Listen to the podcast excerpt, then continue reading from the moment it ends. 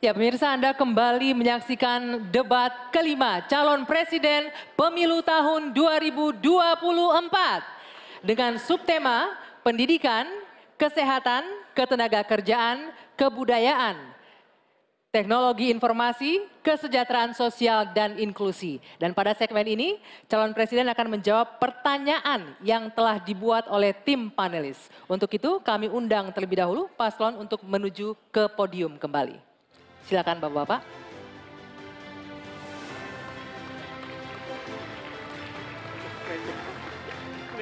Betul sekali Anggi, KPU juga telah memilih 12 orang panelis untuk mempertajam dan menggali visi misi dan program kerja calon presiden.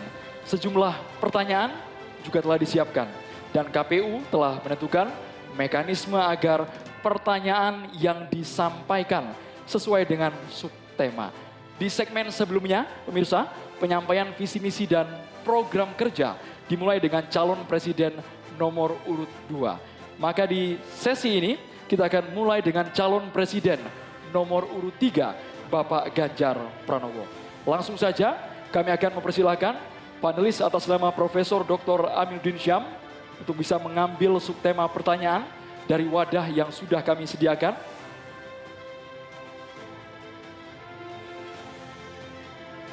Kami mohon untuk dibuka dan diperlihatkan kepada calon presiden dan ke kami, moderator.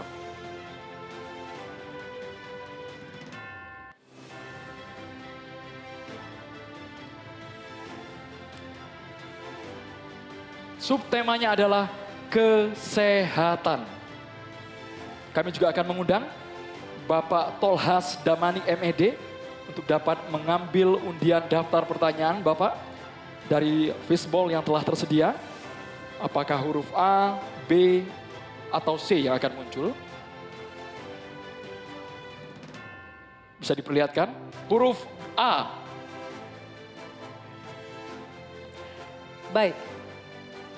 Ini pertanyaannya masih tersegel dengan subtema kesehatan kita akan membuka dan kami ingatkan kepada calon presiden untuk bisa menyimak baik-baik pertanyaan karena hanya akan dibacakan satu kali. Baik.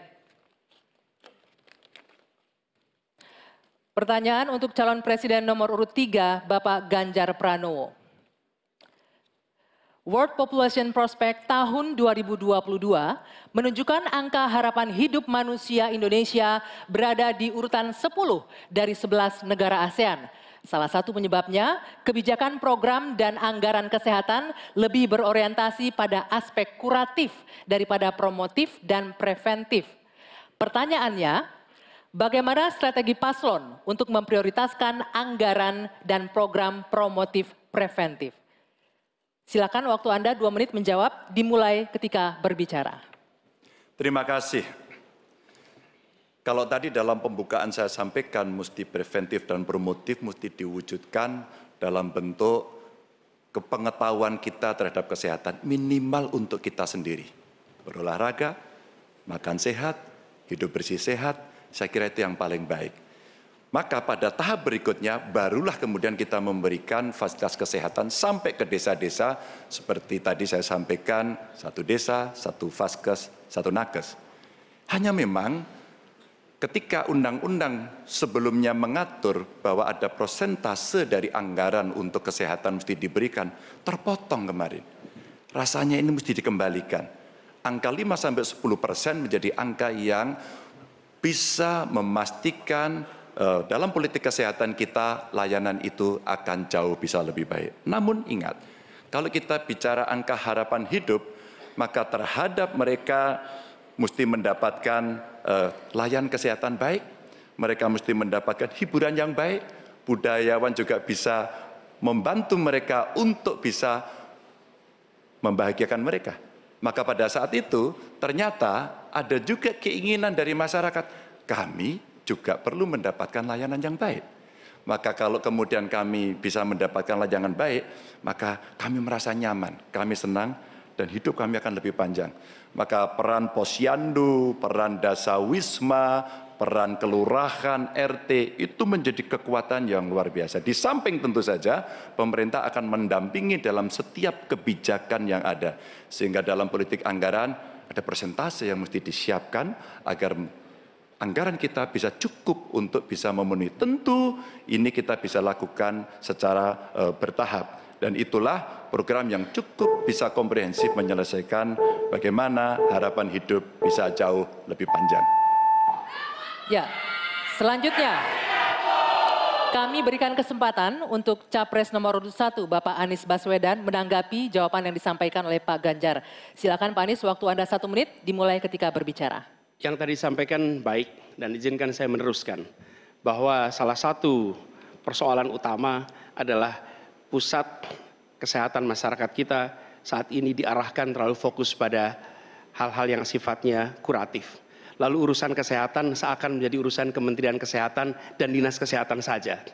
Dan salah satu masalah utama adalah banyak yang disebabkan oleh pola hidup yang tidak sehat. Karena itu kami melihat yang disebut sebagai promotif, preventif, kuratif ini harus seimbang. Jadi kesehatan itu harus lintas sektoral. Kami pernah lakukan ini di Jakarta yang kita kerjakan misalnya membangun air bersih misalnya di Kepulauan Seribu supaya mereka dapat air yang sehat. Yang kedua membangun taman-taman, membangun jalur sepeda, kemudian membangun trotoar, membuat orang berjalan kaki, festival olahraga. Jadi unsurnya adalah lintas sektoral supaya dana itu bukan hanya pada dinas kesehatan, tapi pada semua bidang yang terkait dengan preventif promotif. Ya, Berikutnya kami persilakan Capres nomor urut 2 Bapak Prabowo Subianto untuk menanggapi jawaban dari Pak Ganjar. Silakan Pak Prabowo waktunya satu ya, menit. Jadi saya uh, lebih ke arah uh, solutif langsung dan cepat. Masalah kesehatan di Indonesia adalah kurangnya dokter. Kita kurang 140 ribu dokter. Itu utama. Bayangkan kalau ada yang kena stroke atau serangan jantung, dua sebab yang paling besar kematian di beberapa kabupaten tidak ada spesialis jantung atau spesialis stroke. Dua, tidak ada perlengkapan-perlengkapan yang memadai. CT scan, PET scan, jarang ada di kabupaten. Ini harus kita atasi dan ini bisa kita atasi. Jadi uh, solutifnya demikian. Dan yang paling penting dalam preventif adalah makan bergizi untuk anak-anak dan ibu-ibu yang melahirkan. Makan bergizi ini meningkatkan daya tahan, imunitas, mencegah penyakit. Ini adalah strategis sekali. Makan bergizi untuk anak-anak Indonesia. Ya, Terima kasih. Habis, habis. Ya. Silakan Bapak Ganjar Pranowo menanggapi jawaban tadi.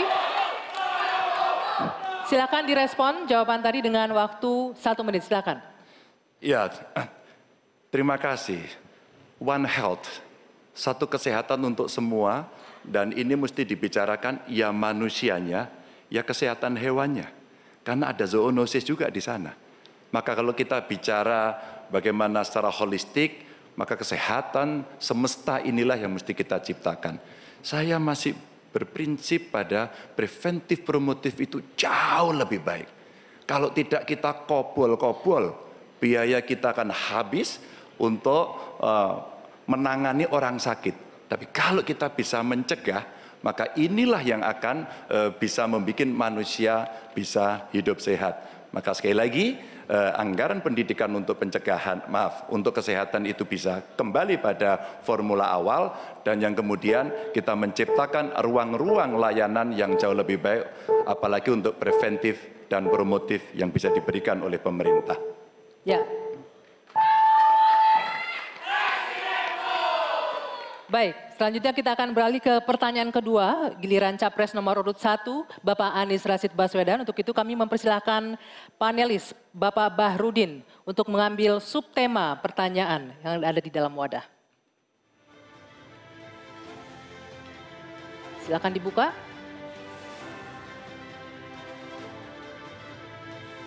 Diperlihatkan ke Capres dan moderator teknologi informasi ya. Dan selanjutnya kami undang Bapak Damar Juniarto untuk mengambil undian daftar pertanyaan dari wadah. Silakan dipilih.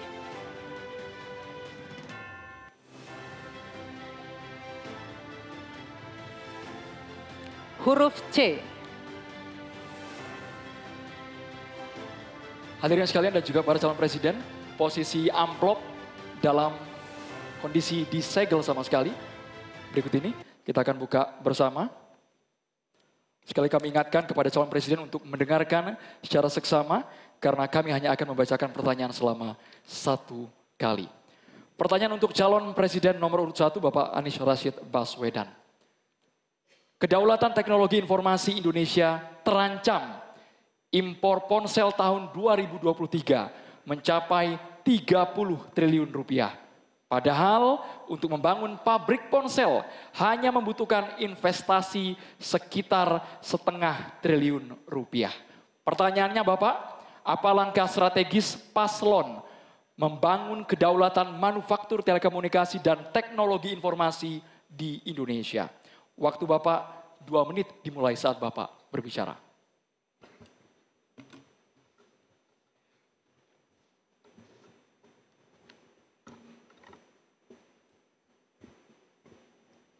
Terima kasih. Kita menyaksikan bahwa kemajuan sistem telekomunikasi dan teknologi informasi itu berkembang amat pesat. Karena itu Indonesia tidak boleh ketinggalan. Dan gagasan kita adalah satu, peningkatan kualitas manusia dan inovasi di sektor teknologi informasi dengan cara pairing, berpasangan mendatangkan pakar untuk bisa melakukan alih teknologi bersama-sama. Yang kedua, memprioritaskan investasi yang masuk dalam bentuk investasi padat karya yang didukung dengan perbaikan reformasi birokrasi dan pemberantasan korupsi. Ini akan memberikan lowongan kerja untuk masyarakat lokal. Dan ada tiga aspek fundamental, yaitu akses, kecepatan, keamanan. Yang ini menjadi prioritas sehingga dengan cara seperti itu, ketika kita mengundang untuk melakukan investasi, kita akan bisa menyiapkan infrastrukturnya. Hal yang tidak kalah penting terkait dengan pembangunan ini adalah perlindungan atas hak intelektual yang nanti akan terkait dengan industri manufaktur yang terkait di sini.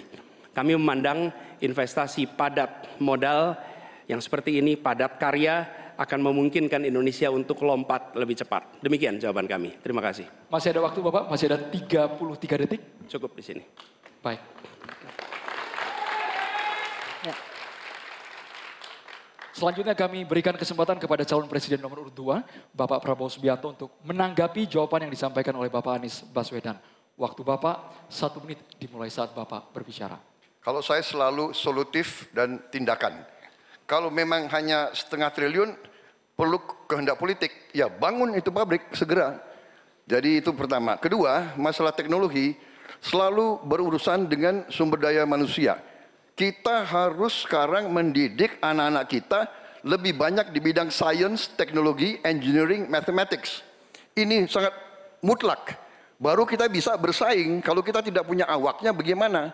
Jadi program kami memberi beasiswa. Tadi saya sudah katakan, 10 ribu kedokteran, 10 ribu di bidang science, teknologi, engineering, dan mathematics. Kita ambil yang terpintar dari Indonesia, kita kirim ke luar negeri, kita bangun fakultas-fakultas STEM yang lebih banyak lagi di Indonesia. Baru kita rebut teknologi, saudara-saudara. Dan yang penting kehendak politik. Ya bangun pabrik itu. Saya kira itu saja, selesai. Mohon tenang hadirin sekalian. Harap tenang terlebih dahulu. Tolong, tolong tenang. Selanjutnya calon presiden nomor urut 3, Bapak Ganjar Pranowo untuk menanggapi atas jawaban yang disampaikan oleh Bapak Anies Rashid Baswedan. Silakan Bapak Ganjar, waktu Bapak satu menit dimulai saat Bapak berbicara. Kita punya industri swasta untuk gadget. Pabriknya ada di Semarang. Harganya terjangkau lebih murah. Kalau itu bisa masuk e-katalog kita, sebenarnya kita bisa membantu dia. Atau yang kedua, kita bisa menugaskan kepada PT lain. Kalau nggak salah dulu pernah akan dibuat ini. Satu komputer, satu laptop seharga maksimum satu juta. Sayang, kalau ini tidak kita pastikan tanpa penugasan dari pemerintah, maka tidak pernah selesai. Kalau tidak, pilihannya adalah bergandengan tangan dengan industri yang ada di luar dengan brand-brand internasional, tapi pabriknya di Indonesia. Politik ini kalau kita mau komparasikan, di India pernah dilakukan Sehingga apa? Transformasi eh, pengetahuannya, teknologinya, semua akan bisa dilakukan dan kita akan mendapatkan nilai tambah. Gen kita akan ditambahkan di situ, kita uh, bisa melakukan tindakan-tindakan untuk mencapai kemandirian sehingga kelak kemudian kita tidak terlalu bergantung. Waktunya bisa. Saatnya calon presiden nomor urut satu, Bapak Anies Rashid Baswedan untuk merespon tanggapan calon presiden nomor urut dua dan juga nomor urut tiga. Silakan Bapak Anies, waktu Bapak satu menit dimulai saat Bapak berbicara. Tadi saya sampaikan garis besar gagasan untuk kita bisa membangunnya. Ketika sampai kepada kegiatan praktis, maka pendekatannya kolaboratif. Negara adalah regulator dan negara memberikan ekosistem yang sehat. Panggil pelaku yang selama ini terlibat, baik swasta maupun BUMN. Sampaikan ada kebutuhan membangun pabrik telepon seluler tanya apa yang dibutuhkan dari negara. Yang dibutuhkan apa? Apakah perizinan? Apakah dana? Apakah keleluasaan pajak? Semua yang menjadi kebutuhan diberikan. Tapi pelakunya tetap swasta ataupun BUMN. Jadi fungsi kita ketika bicara membangun bukan negara yang membangun, tapi memberikan pada BUMN atau swasta dan yang sudah bergerak di situ siapkan infrastrukturnya, beri target waktunya, lalu eksekusi, tunggu peresmiannya. Terima kasih. Berikutnya, pertanyaan untuk calon presiden nomor urut 2, Bapak Prabowo Subianto.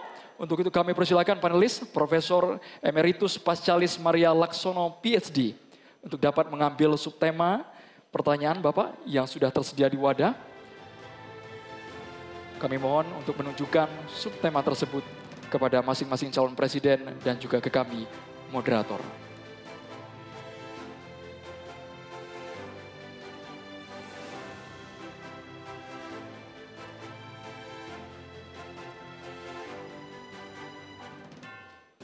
Subtemanya adalah kebudayaan. Kami akan undang selanjutnya Bapak Imam Prasojo untuk mengambil undian daftar pertanyaan dari Fishball. Apakah huruf A, B, atau C? Huruf C, kebudayaan. Ya, ini dia pertanyaannya. Masih tersegel dan kita akan buka. Pertanyaan hanya akan dibacakan satu kali. Harap disimak dengan baik. Oke. Budaya akan tumbuh berkembang dalam komunitas responsif, yakni tiap individu memiliki ruang kebebasan berkreasi dan tanggung jawab sosial. Undang-undang pemajuan kebudayaan telah terdistorsi oleh birokratisasi dan komersialisasi budaya. Pertanyaannya, apa pandangan dan sikap paslon terhadap komersialisasi budaya dan proses destruktif terhadap tumbuhnya kebudayaan yang responsif? Silakan dijawab Bapak Prabowo, waktunya dua menit dimulai dari Anda berbicara. Terima kasih. Budaya adalah sangat penting. Budaya adalah karakter bangsa. Tanpa kita membanggakan, menghormati, melestarikan budaya kita sendiri, kita hilang jati diri kita sebagai bangsa. Semua bidang harus kita bantu, kita lindungi. Kami Prabowo Gibran merencanakan ada dana abadi budaya untuk memberi dorongan, dukungan untuk semua uh, aktor-aktor, pelaku-pelaku budaya kita di semua bidang. Ini adalah mutlak bagi kita.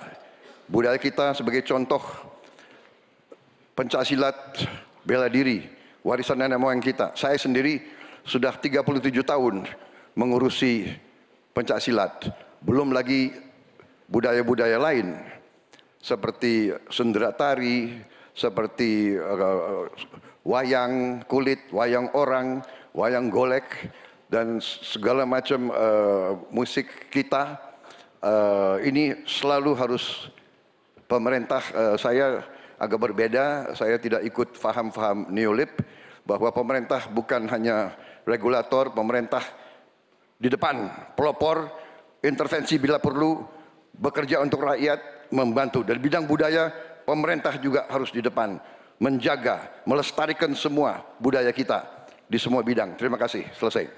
Masih ada waktunya? Masih ada waktu Pak Prabowo? Cukup? Baik. Cukup. Cukup. Silakan. Saya persilakan untuk capres nomor urut 3 Pak Ganjar Pranowo menanggapi jawaban dari Pak Prabowo. Waktunya satu menit dimulai dari Anda berbicara. Silakan. Kalau benturannya antara budaya dan birokrasi, maka sikap birokrat. Birokrat itu cukup fasilitasi saja dan para pelaku seni budayawan dialah yang mengerjakan. Maka budaya akan tumbuh dan pemerintah akan bisa melihat bagaimana proses kreatif itu berjalan. Apakah itu nyanyi, apakah itu filmmakers, apakah itu para pencipta, penulis buku, semuanya. Sehingga terhadap mereka perlu dilindungi. Tapi berikan itu kepada mereka agar mereka bisa mengurus sendiri. Kalaulah mereka kemudian berekspresi, pemerintah nggak perlu takut. Masa takut sama pentasnya Butet? Kamu boleh loh pentas tapi tidak usah ngomong politik. Enggak. Pemerintah mesti dikritik. Pemerintah mesti waras. Pemerintah mesti dalam track. Dan biarkan mereka mengekspresikan dengan seninya, dengan karakternya, dengan budayanya. Dan kita cukup fasilitasi mereka yang akan mengerjakan. Begitu. Birokrasi tinggal duduk untuk melihat hasilnya. Ya. Selanjutnya kami berikan kesempatan untuk capres nomor urut satu, Pak Anies, menanggapi jawaban Pak Prabowo. Satu menit waktunya dimulai dari ya. Anda berbicara. Kekayaan Indonesia adalah justru pada kebudayaannya. Dan kebudayaan itu bukan satu sektor pembangunan. Tapi justru seluruh kegiatan pembangunan ini tujuannya adalah membangun kebudayaan. Jadi tujuan dari seluruh sektor pembangunan membangun kebudayaan. Karena itu yang harus dikerjakan pemerintah adalah menciptakan ekosistem yang sehat sehingga para budayawan bisa memunculkan ekspresinya. Dan budaya itu bukan hanya dirawat. Kalau dirawat seakan-akan dia warisan masa lalu saja. Budaya itu harus dikembangkan sehingga terus-menerus berkembang. Karena itu kami melihat perlu dibentuk dan kami berencana Kementerian Kebudayaan yang nantinya akan menjadi penyalur sumber daya dari negara untuk diberikan kepada kalangan budayawan agar mereka tumbuh berkembang membangun karya-karya kebudayaan yang luar biasa di Indonesia. Terima kasih. Ya. Kini giliran Pak Prabowo Subianto untuk merespon tanggapan ini. Waktunya satu menit silakan Pak Prabowo. Uh, saya kira kedua respons itu uh, masuk akal. Saya bisa menerima dua respons itu memang uh, banyak benernya ya kita harus benar-benar uh, memberi ruang mem untuk inisiatif, untuk inovasi, kreativitas. Tapi jelas uh, pemerintah harus tidak ragu-ragu dan pemerintah harus berani untuk juga turun tangan, menjaga situs-situs, membantu museum-museum, membantu istana-istana sultan-sultan kita yang banyak sudah mau roboh ini harus kita bantu. Ini warisan budaya, warisan sejarah kita. Hal-hal seperti itu harus kita perhatikan. Tapi saya bisa menerima, saya juga setuju itu. Kalau saya jadi presiden, saya memikirkan Kementerian Kebudayaan. Ya. Kalau ide yang baik dari mana pun saya bisa terima dan saya dukung. Terima kasih. Ya. Oke. Okay. Sekarang kami berikan kesempatan untuk memberikan aplaus bagi masing-masing capresnya. Dan kami masih akan melanjutkan mempertajam visi misi dan program kerja calon presiden. Usai jeda di segmen selanjutnya tetaplah di debat kelima calon presiden pemilu tahun 2024.